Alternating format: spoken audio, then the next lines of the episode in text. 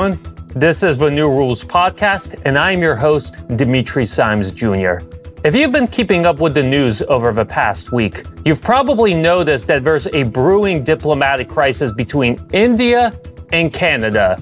If you haven't been following this story, here's a brief synopsis. Last week, Canadian Prime Minister Justin Trudeau accused the Indian government of assassinating a Khalistan separatist leader near the suburbs of Vancouver. Trudeau has provided absolutely no evidence for these allegations, and the Indian government has denied them. Nevertheless, this story is much more than about just either India or Canada. The United States admitted that Trudeau's allegations were based on information derived from the Western Five Eyes Intelligence Alliance. Why has the West decided to go against India? And how will India respond? To help us answer both of these questions, we're very pleased to welcome Abhijit Chavda, an Indian geopolitical analyst and physicist. Abhijit, thank you so much for joining the program. My pleasure. Thank you for having me. So, most of our audience members are Americans, Canadians, and other Westerners. They don't have much background about this whole Khalistan movement. So, could you explain A, what exactly is the Khalistan movement? And B, why do so many Indians and the Indian government consider this to be a dangerous extremist movement? Right. So this Khalistan movement is essentially, in a nutshell, a demand for a separate country that would be carved out of the Indian state of Punjab. And this is supposedly a country that will be a nation for the Sikh people. Now, this is, and the Sikhs are one of the four major religions. Sikhism is one of the four major religions that has emerged out of India. And the four are Hinduism, Buddhism, Sikhism, and Jainism. So, this is a completely artificial, astroturfed movement. This is something that was created by Pakistan in the 1970s, 1980s. I mean, if you want to go back in history, you can go all the way to the 19th century, but let's start with what Pakistan did. It is something that was started in the 1970s, late 70s and 1980s. And uh, what happened is that a number of uh, these individuals were given training in Pakistan. They were given arms, ammunition, support, logistical support, and so on and so forth, international fora. And then they were uh, pushed across the border into India, into the state of Punjab, where this armed insurgency, this armed terrorist movement took place in the 1980s. And this is something that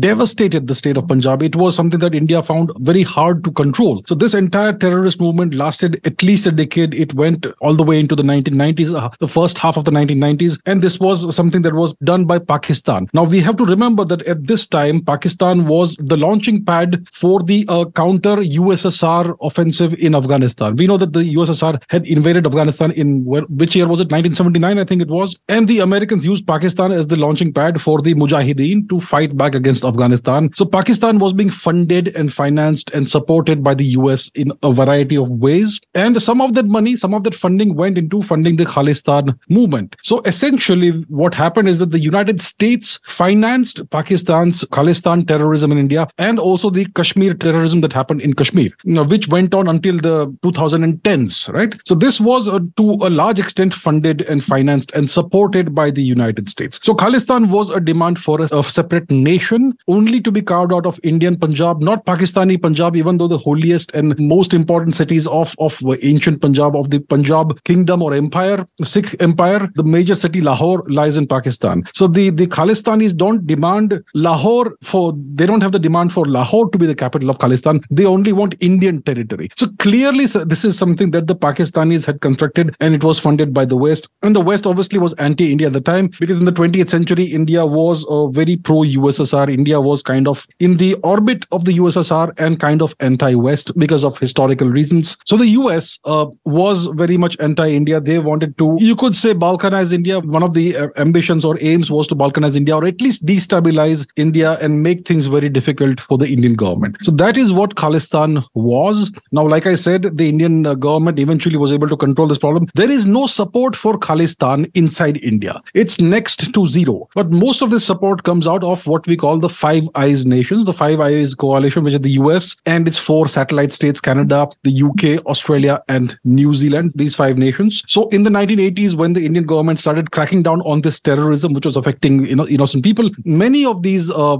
terrorists, they found a refuge in these five countries. And to a large extent, this was Canada. It was Canada that, that uh, took in these people. So a significant pro-Khalistan population started settling in Canada. And w- what happened is that one of the major rackets that you see in Canada, there is this big immigration racket that exists in Canada. So, like I said, all these nations are kind of anti-India. It's been a 20th century hangover. So, and they seek to demonize India and make India look bad. So, one of the rackets, immigration rackets in Canada, is that uh, if you if you want to immigrate to Canada, all you have to do is you have to portray yourself as a person who has been uh, oppressed by by India. You have been persecuted by the Indian government. You are a political refugee, and if you present your case in that manner, it's really easy to get uh, residency uh, in Canada and eventually citizenship. So lots and lots of people do that every year, even today. Even today, they portray themselves as uh, political refugees. And once you get into Canada, you have to keep up that facade. So there's a very significant population of Canadian Indians who are very strongly anti-India in Canada. And such cases exist in the UK as well, in Australia as well, but it's it's kind of uh, toned down out now. And some of that is in New Zealand as well. And there is a significant anti-India Khalistani population or, or support base in the United States as well. You will see uh, various uh,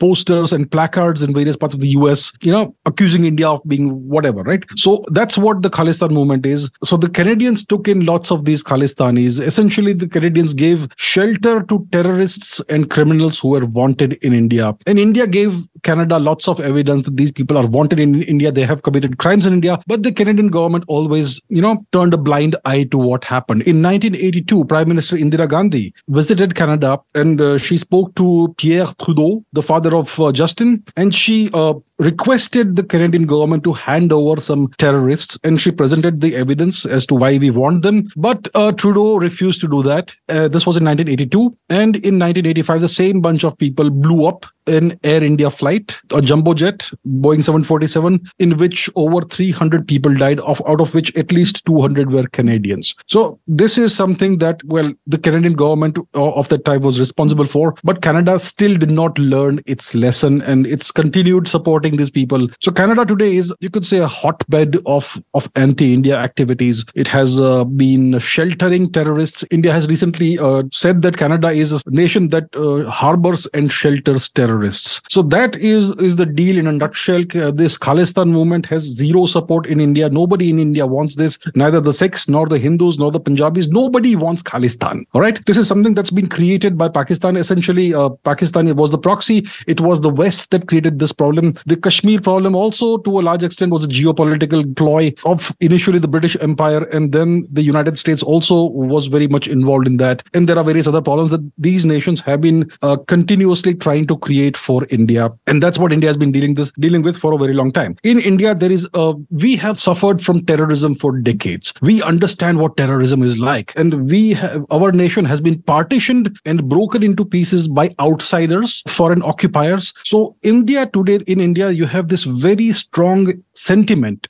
there is this very clear red line that we will never tolerate terrorism and we will never tolerate uh, the prospect of another of any kind of balkanization of india or anyone trying to you know claim indian territory. That is uh, simply unacceptable in india. And maybe the west doesn't understand this because they have not really suffered from this. They have not really uh, faced these issues. And that's why the indian perspective is not very well understood right uh, right now in the west. That's what it looks like. And the media obviously is very strongly anti india as well. And they portray india as, as god knows what fascist nation or I don't know what other fictions they come up with. So that essentially is the deal. India has a very strong, very clear set of red lines that certain things we india you know india takes a lot of nonsense. India doesn't really push back. But when it comes to these things now at least india is starting to push back. And uh, that's why justin trudeau finds himself in in hot water. It it looks like maybe the us also was kind of involved in this matter what's what's happened recently with the expulsion of diplomats and the entire uh, the entire diplomatic imbroglio that's currently going on between india and canada. It looks like the americans uh,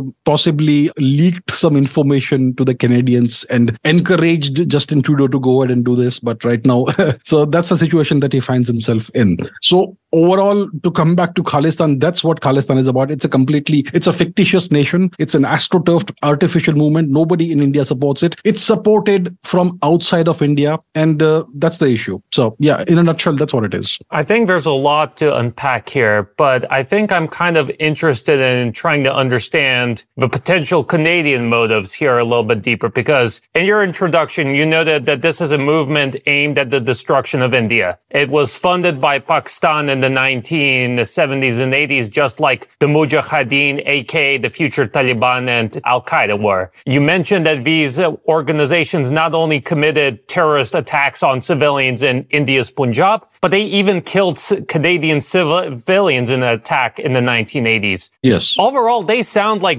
pretty bad people, which begs the question why has Canada welcomed them in and provided them basically a safe haven to operate? Yeah, that's a, that's a good question. Why did Canada do this? I mean, see, essentially, Canada is one of the components of the American empire. The US is, we call it a superpower, but superpower, the, the term superpower is a euphemism for empire. And the Five Eyes coalition is the US and its closest allies puppets, whatever you want to say, satellites. So Canada essentially is an instrument in the hands of the US. Canada doesn't truly have an independent foreign policy. Neither does Australia or New Zealand or for that matter, the UK. They are all pawns in the hands of the US, which is okay. I have nothing against that. So the US, because of the Cold War, which happened in the 20th century and all, has had this history of being very strongly anti-India. And they also have this uh, long term view of India as India being the next potential China. They don't want another big rival, another big competitor uh, rising up in the next 20 years. So they would like to, uh, they would like to keep India under control. They would like to keep India off balance, destabilized, and all that. So that's why I believe the Americans were okay with certain kinds of terrorists being sheltered in the on on the territory of their closest allies, and that's why you have a significant uh, anti-India Khalistan presence in the UK. There is a smaller presence in Australia as well. There are these uh, fake referendums that happen in Australia, and uh, some of it in New Zealand as well. But like I said, the largest presence was in Canada. So I think it was the US that encouraged or um, that encouraged Canada to give refuge to these anti-India forces, so as to give them, you know, uh, give them a safe haven, so that India would not be able to target them. Because India historically has not acted the way Israel does. India does not go to other nations' uh, territory and uh, you know bump people off, people who are uh, enemies of the nation. Israel does that. The US actually flattens entire nations, but India has historically not done that. So that's why probably they were given shelter in these nations. It's funny that it's only the English-speaking nations that have given shelter to the Khalistanis. There's very little Khalistani presence on the territory of, let's say, France or or Spain or Germany or any of the other Western nations. It's only the English speaking nations. It's only the Anglosphere. So I think, and, and we know the Anglosphere is controlled by the US and the, the entire West essentially is controlled by the US. The re- real reason why there's not been any, any major war in Europe since the 1940s is because there are only two major powers in Europe. In the East, you have Russia. In the West, you have the United States. And Western Europe is essentially an extension, a proxy of the US. That is the reason why I believe the, the Khalistanis were given shelter by the, the English speaking nations. And uh, as it so happens, the most of them uh, are sheltered in Canada. So Canada, obviously, as we know, is uh, a member of the British Commonwealth of Nations, which once again is its de facto. I mean, it's it's a symbolic or ceremonial head of state is the King of England, and England or England, the UK obviously is under US control. So so that all ties back to the US. So overall, it's the US that controls it, this entire thing. The US is the puppet master. That that's okay, but uh, it's they, they've been doing this. They've been sheltering people who want to destroy India, and that's why India has a problem with this. For the longest time, India could do nothing about it, but it looks looks like now India may be in a position to, uh, you know, push back against this. So you bring up this very interesting point that although Canada has served as the safe haven for Khalistan radicals, it wasn't acting alone, that it likely had strong encouragement from the United States to provide a safe haven. I want to ask about this particular case because, you know, there's been this big diplomatic crisis that erupts because Justin Trudeau made specific accusations against India. Do you think think he was acting alone in this, or do you think that Washington likewise was standing behind this whole affair? I think there could have been some tacit encouragement from Washington. Uh, for example, if you remember in the 1990s, early 1990s, Saddam Hussein decided to invade Kuwait. Well, he also was kind of tacitly encouraged by the US to go ahead with that. I mean, they didn't they didn't say no. Uh, so uh, what happened is that uh, Justin Trudeau has an interesting history vis-a-vis India. In 2018, he came to India on a long tour, on a long visit with his entire family. I suppose at taxpayer expense, and uh, he invited a known Khalistani terrorist to one of the receptions or whatever it was, a guy who had been convicted in Canada and he had served his jail uh, sentence, and there, that's why he was a free man. So that individual was invited by Justin Trudeau to one of the functions or receptions that he attended in, in India. So that also was a faux pas on part of the Indian government they they, to allow that guy to come to Indian territory or whatever. So that's where it all started, and uh, he was not g- given the warmest of welcomes in India by the government of India. He was treated very well, obviously, but the welcome was very polite, but not the warmest welcome. That's 2018. Now, recently, the, we had the G20 summit that happened uh, two, three, two or three weeks ago, in which it was not just Prime Minister Modi of India, but the entire, you know, every single world leader essentially ignored Trudeau. Last year in Bali, uh, Trudeau was scolded by Xi Jinping, President Xi Jinping of China. This year, he was scolded by Prime Minister Modi of India and President Biden of the US. And uh, he even skipped the official dinner that was hosted by the president of India. So he had a, he did not have the greatest of the best of times in the G20 summit, and uh, pro- he was clearly not happy. He was upset. He his ego was hurt, and he thought that he had to lash out at, at somebody. Nobody treated him well, so maybe he decided that India was the best play, the best target, and. Uh, and it's possible that the US may have encouraged him because in recent days, in the last three, four days, it's emerged that the uh, so called intelligence that he has of Indian involvement in, in the killing of that gangster,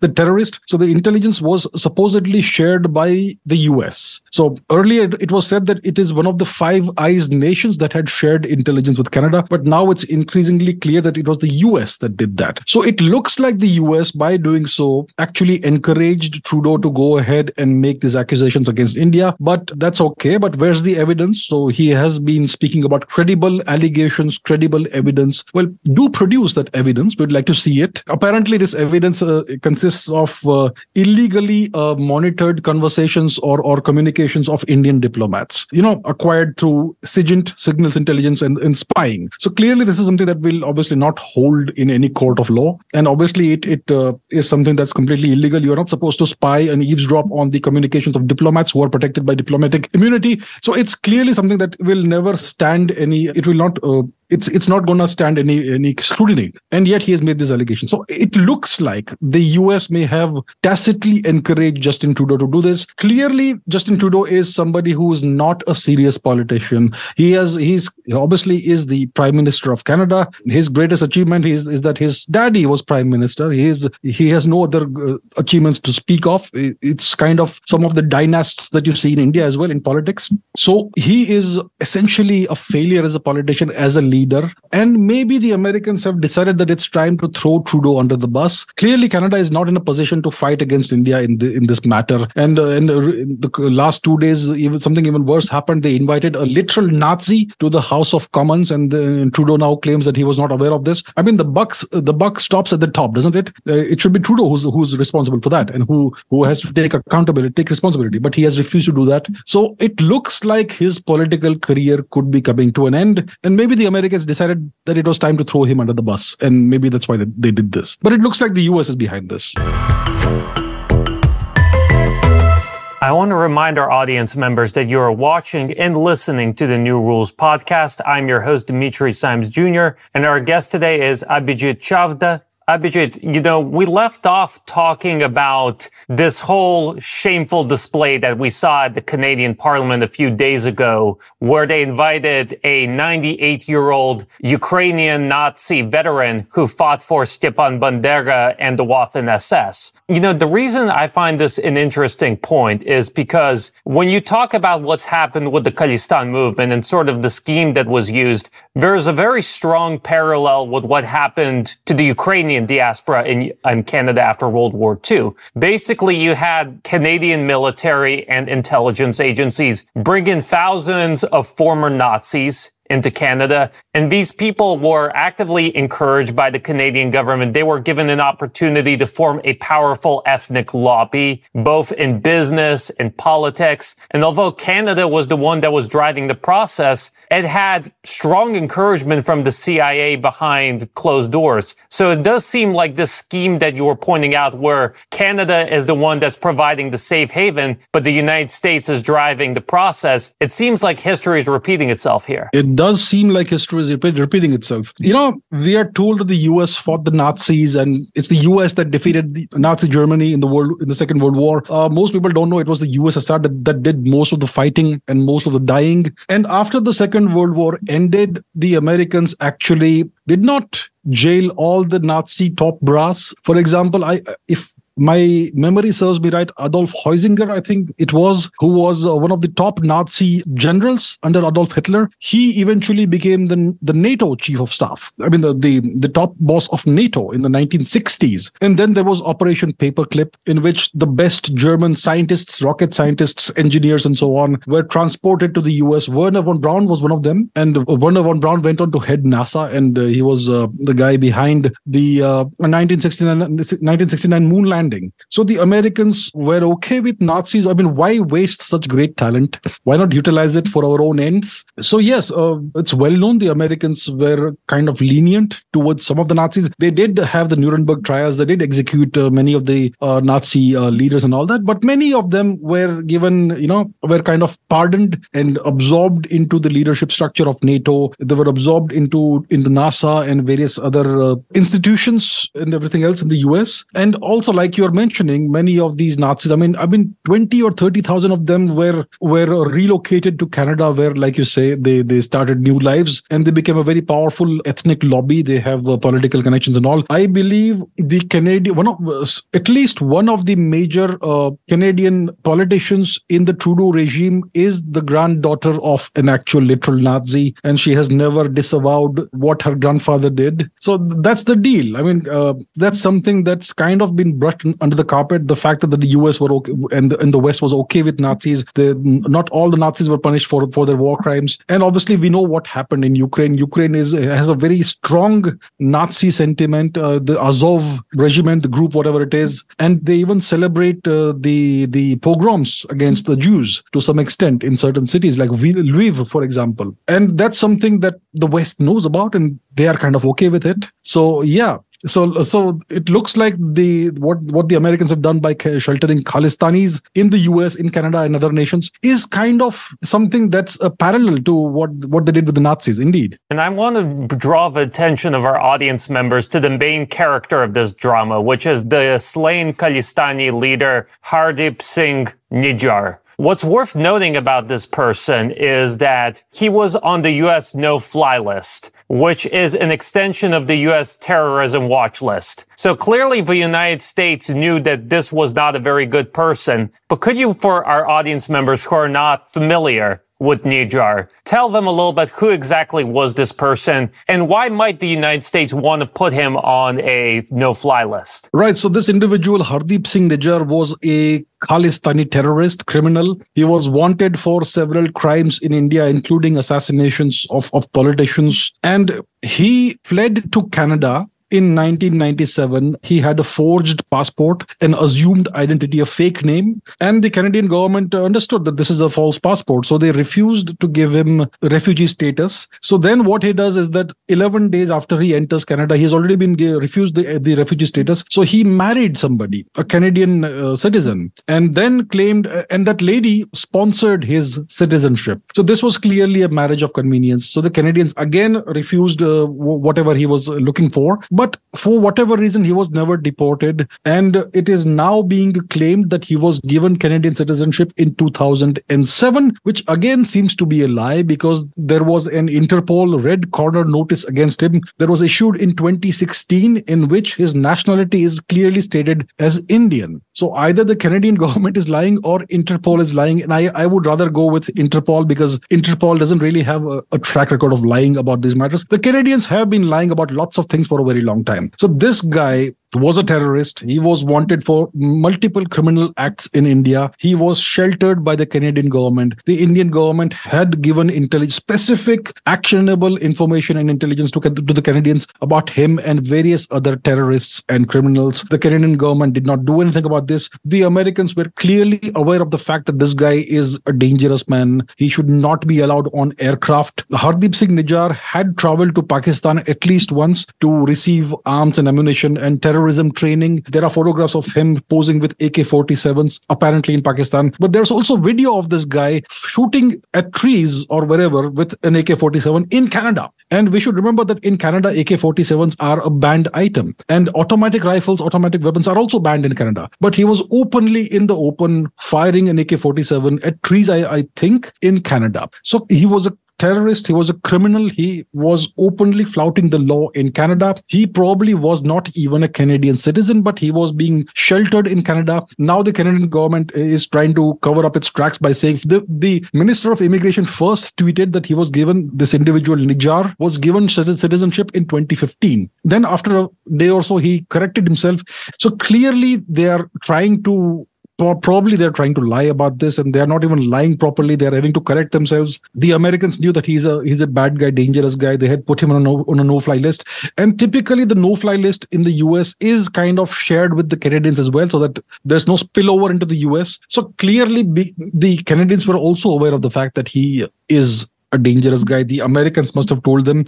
The indians clearly did tell them and the canadians completely ignored this so definitely a bad guy and and he was murdered I, I, think sometime earlier this year and the canadians are claiming that there was some indian hand in this well if it is so kindly produce the evidence prove it prove it that India was behind this. A couple of years ago, in I think it was in 2020, there was this lady. Her name was Karima Baloch. She was a refugee from Pakistan. The Pakistanis wanted her dead, and she was a Baloch freedom fighter. Balochistan is a region, is a is a province in the south southwestern part of Pakistan. It had actually declared independence in 1947, 1948. The Pakistanis occupied this by force and they have been brutally oppressing the people of Balochistan. So this lady was a Baloch freedom fighter. She was a human rights activist. She had taken shelter in Canada. She was found dead in a lake in 2020. It's clear that the Pakistani intelligence agency, the ISI, must, must have been behind this. The Canadians did not investigate the matter. They did not expel any Pakistani diplomats or any such thing. They have been completely okay with what happened here. This lady was a genuine freedom fighter. She was a genuine human rights activist. She had no criminal or terrorist record. She was murdered. The Canadians are okay with this. On the other hand, you have this Hardeep Singh Nijjar, who's a known terrorist. He's an, who's, an, who's on a US no-fly list. He has been killed we don't know by whom. And the canadians expel indian diplomats and make these big accusations against india. Well provide the evidence. Produce the evidence most likely what happened is that these terrorists these khalistani criminals and terrorists who canada has given refuge to these are criminal elements and they have inter-gang rivalries and whatnot. And this is a regular occurrence. You know, this is a common occurrence between criminals of uh, who form gangs. They they take each other out on a routine basis. So most likely it was something like that that took place must have been an inter-gang rivalry or something there is absolutely zero evidence of india's involvement in this and if you examine india's track record over the past 70 years india has never carried out assassinations of criminals outside of india so that's the whole deal with this uh, individual Hardeep Singh Nijjar. He was a criminal, a terrorist. He was most likely killed in inter-gang warfare, and the Canadians have accused India of doing this, of which there is no evidence. So I think I want to like step back and look at the bigger geopolitical picture, because as we know that the United States likely had not only a role in sponsoring the rise of the Khalistan movement in Canada, but they probably played a role in prodding Justin Trudeau to put forth these accusations against India. I guess the question is why? Because I can understand why our audience members would be confused by this whole situation because over the past two years, even longer,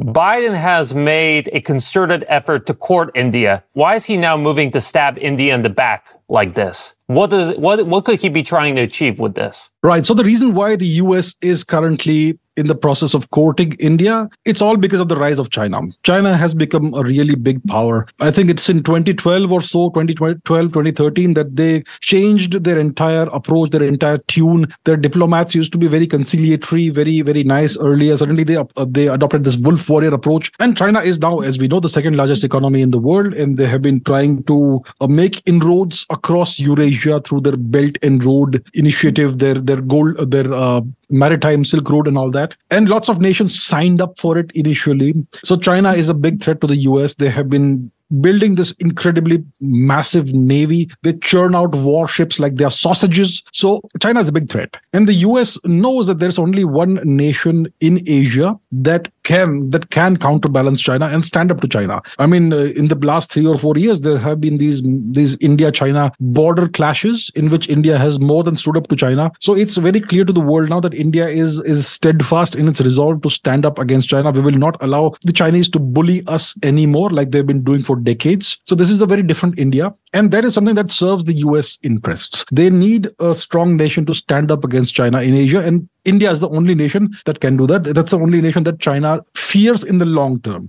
So, from the US perspective, India is the only Asian nation that can stand up to China.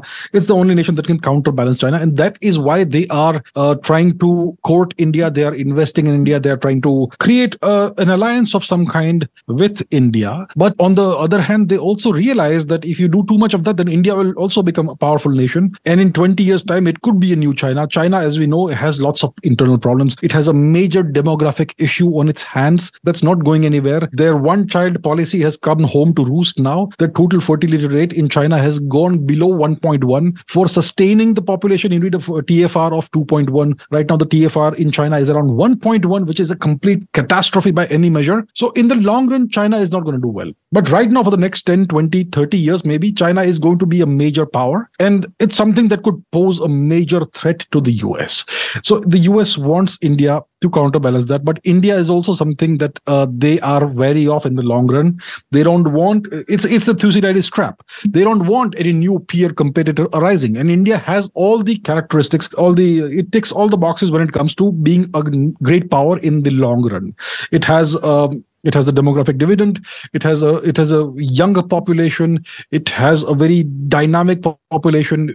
It has i mean everything that you can think of. The economy is is, is doing well. It's it's uh, growing. It's uh, projected to keep growing at a very healthy rate for the next 10 20 years unless there is a major catastrophe a war or anything. So in the next 20 years if india continues on the same path that it is right now, India could become the next China. And this could end up being the Indian century instead of the Asian century or the Chinese century. So in the long run, India is a problem for the US. But right now, they need India against China. So they have a kind of a balancing strategy. On the one hand, they will support India when it comes to their interests against China, but they will also oppose India in, in a variety of ways. Uh, they will create problems for India. There are problems in India's far east, the northeast, Manipur, and all that. They supported uh, the Kashmir terrorism insurgency for a very, very, very long time. They supported Pakistan against India. The Khalistan movement is there. There are lots of other problems, also internal problems in India that they are trying to foment and uh, exacerbate. They have this term called sub national diplomacy, which is a euphemism for creating, you know, fissures within India and so on. So on the one hand, they want to support India against China, but on the other hand, they want to keep India destabilized and off balance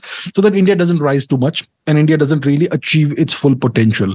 So that's a kind of so it, it's a complex uh, scenario that we have, and that's the kind of strategy that the US is pursuing. I think uh, India's uh, foreign minister Dr. Jaishankar has spoken about this uh, on a few occasions that the US seeks to support India, but also to work against India in a, in a in a variety of ways. So the main thing is that India is itself in itself a long-term great power. Uh, unless something bad happens, something disastrous happens, India is going to be one of the great powers in the next 20 years. I think um, so. That's the problem that the, the the dilemma that the US faces. They don't want this to happen, but they want India's support against China. So India should not become too weak or too strong. It should stay somewhere in between, maybe where it is right now. It's a good place. So that's what the US is doing. I think that another thing, in addition to the geopolitical calculus you talk about, it's the ideological side of things, because I myself am from Washington, D.C., and I, something that is very difficult for a lot of people who are not from Washington, D.C., is to understand how much people in the city are driven by ideology. Everyone thinks that it's geopolitical chess, but there's also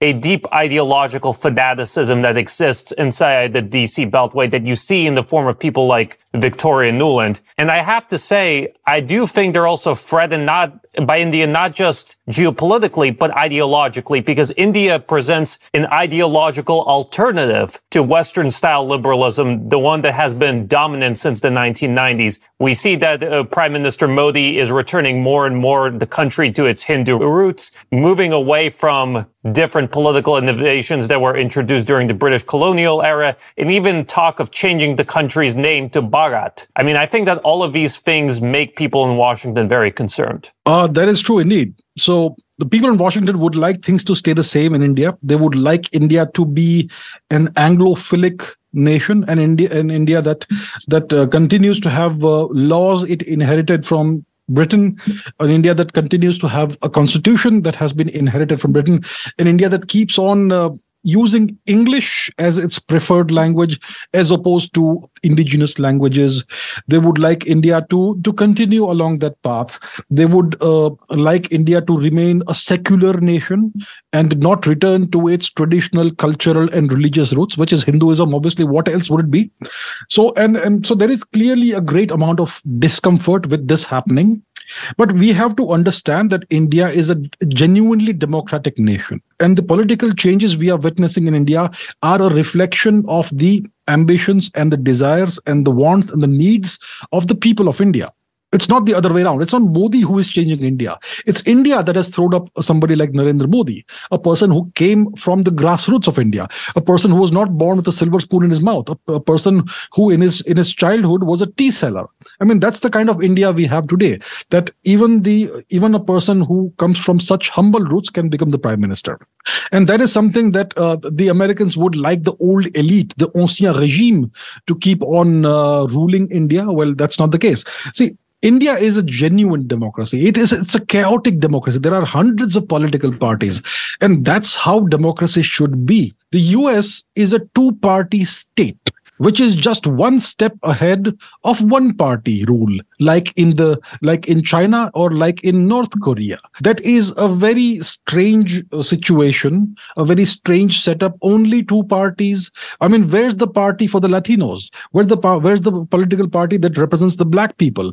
Where's the political party that represents the interests of the native american people? There is no such thing. Everybody everything has to be force fitted into one of these two political parties. And when it comes to foreign policy they are the same. They have essentially the same outlook.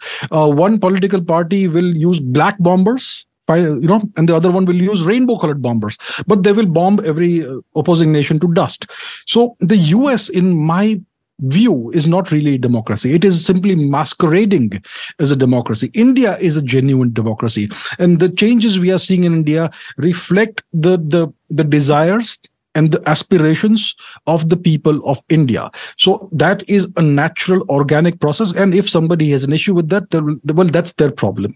India is going to go on its own path and it's going to do what's best for it.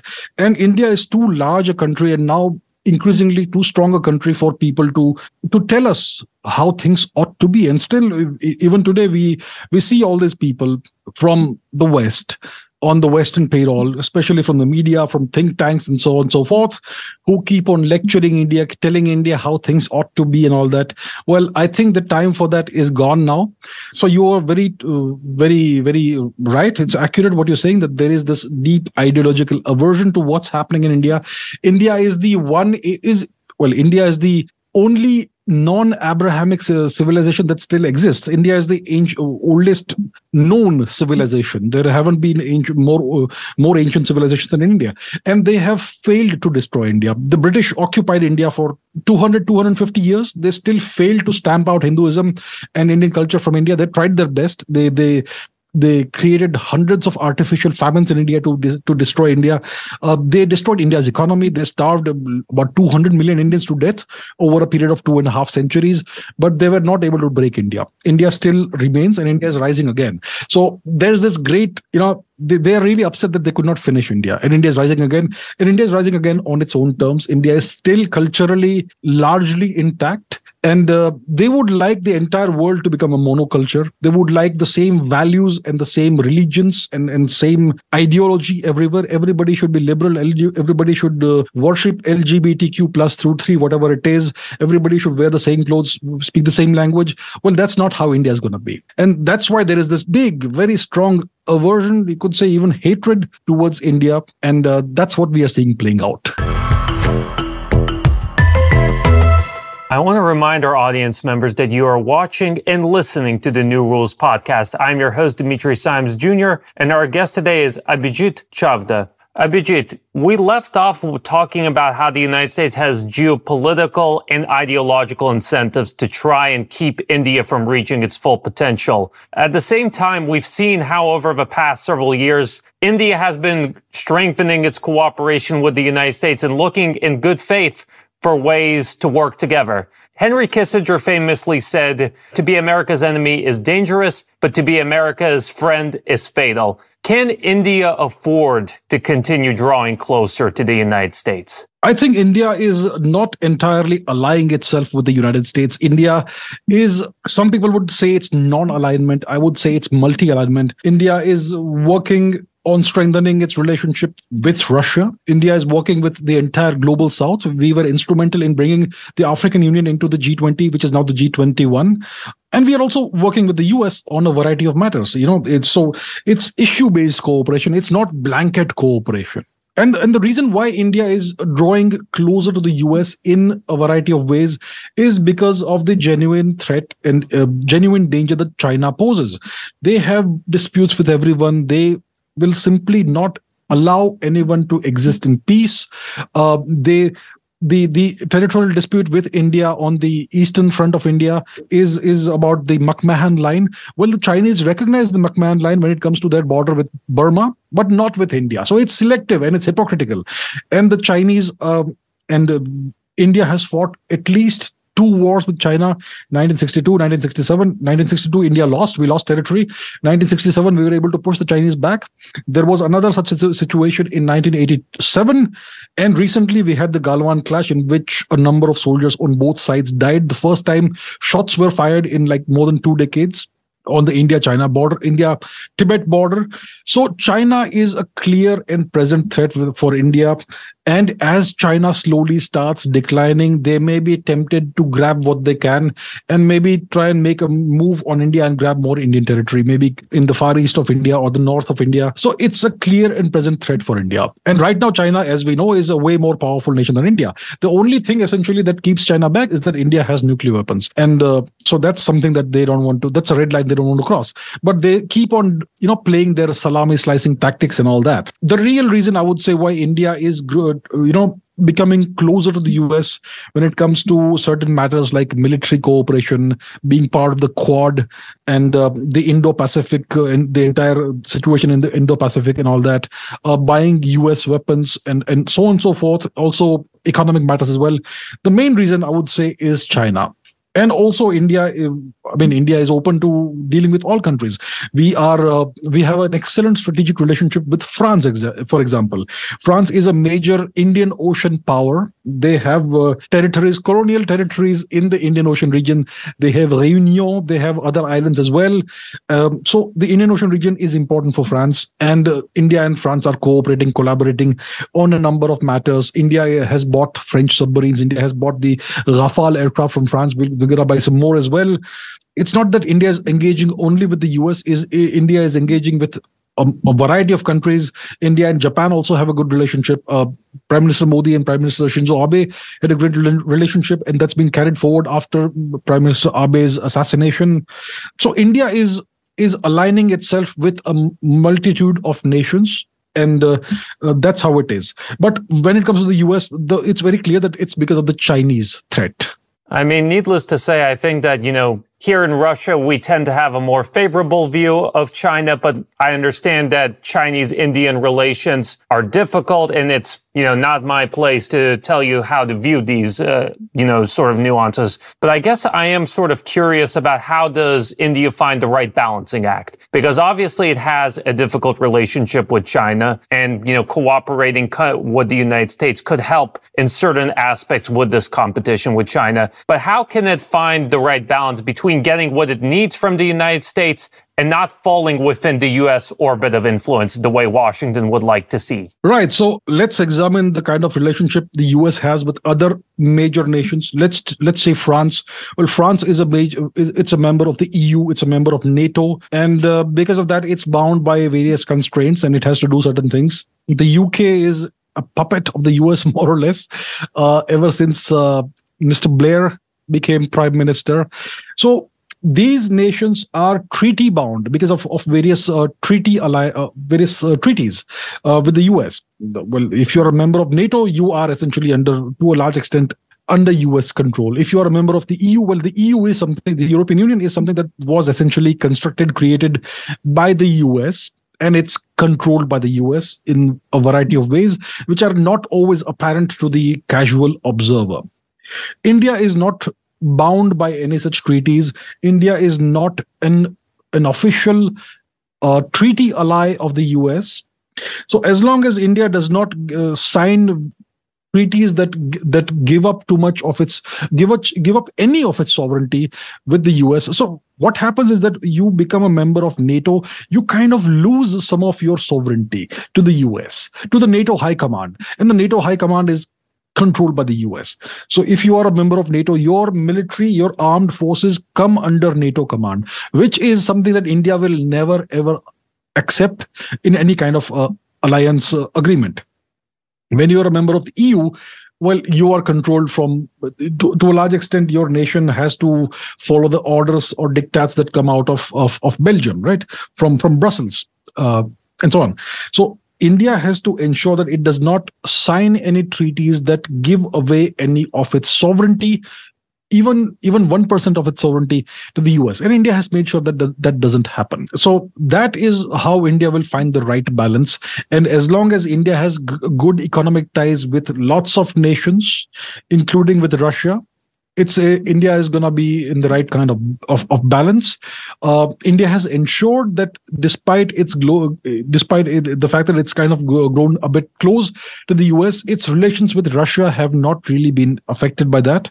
Uh, so as long as India does that, it's it's going to be fine. I think you do make a very interesting and valid point about the fact that India has managed to keep its distance when it comes to geopolitical relations because you brought up the example of Russia and despite the fact that the West has repeatedly asked India to disavow uh, Russia, to distance itself from Russia, Indian companies are finding different opportunities to come into the Russian market, to export goods from the Russian market. I know that there's a lot of interest uh, from the Russian business community in doing business in India, and the trade numbers show it. And we're coming up on the anniversary of the Nord Stream pipeline explosions. I can't imagine India standing back passively if something like that were to happen with some sort of energy infrastructure that belonged to India. There's no way that India would allow its energy infrastructure to be blown up in the way that Germany did. I agree. India would not uh, stand back and let that happen. And if somebody, somebody did that,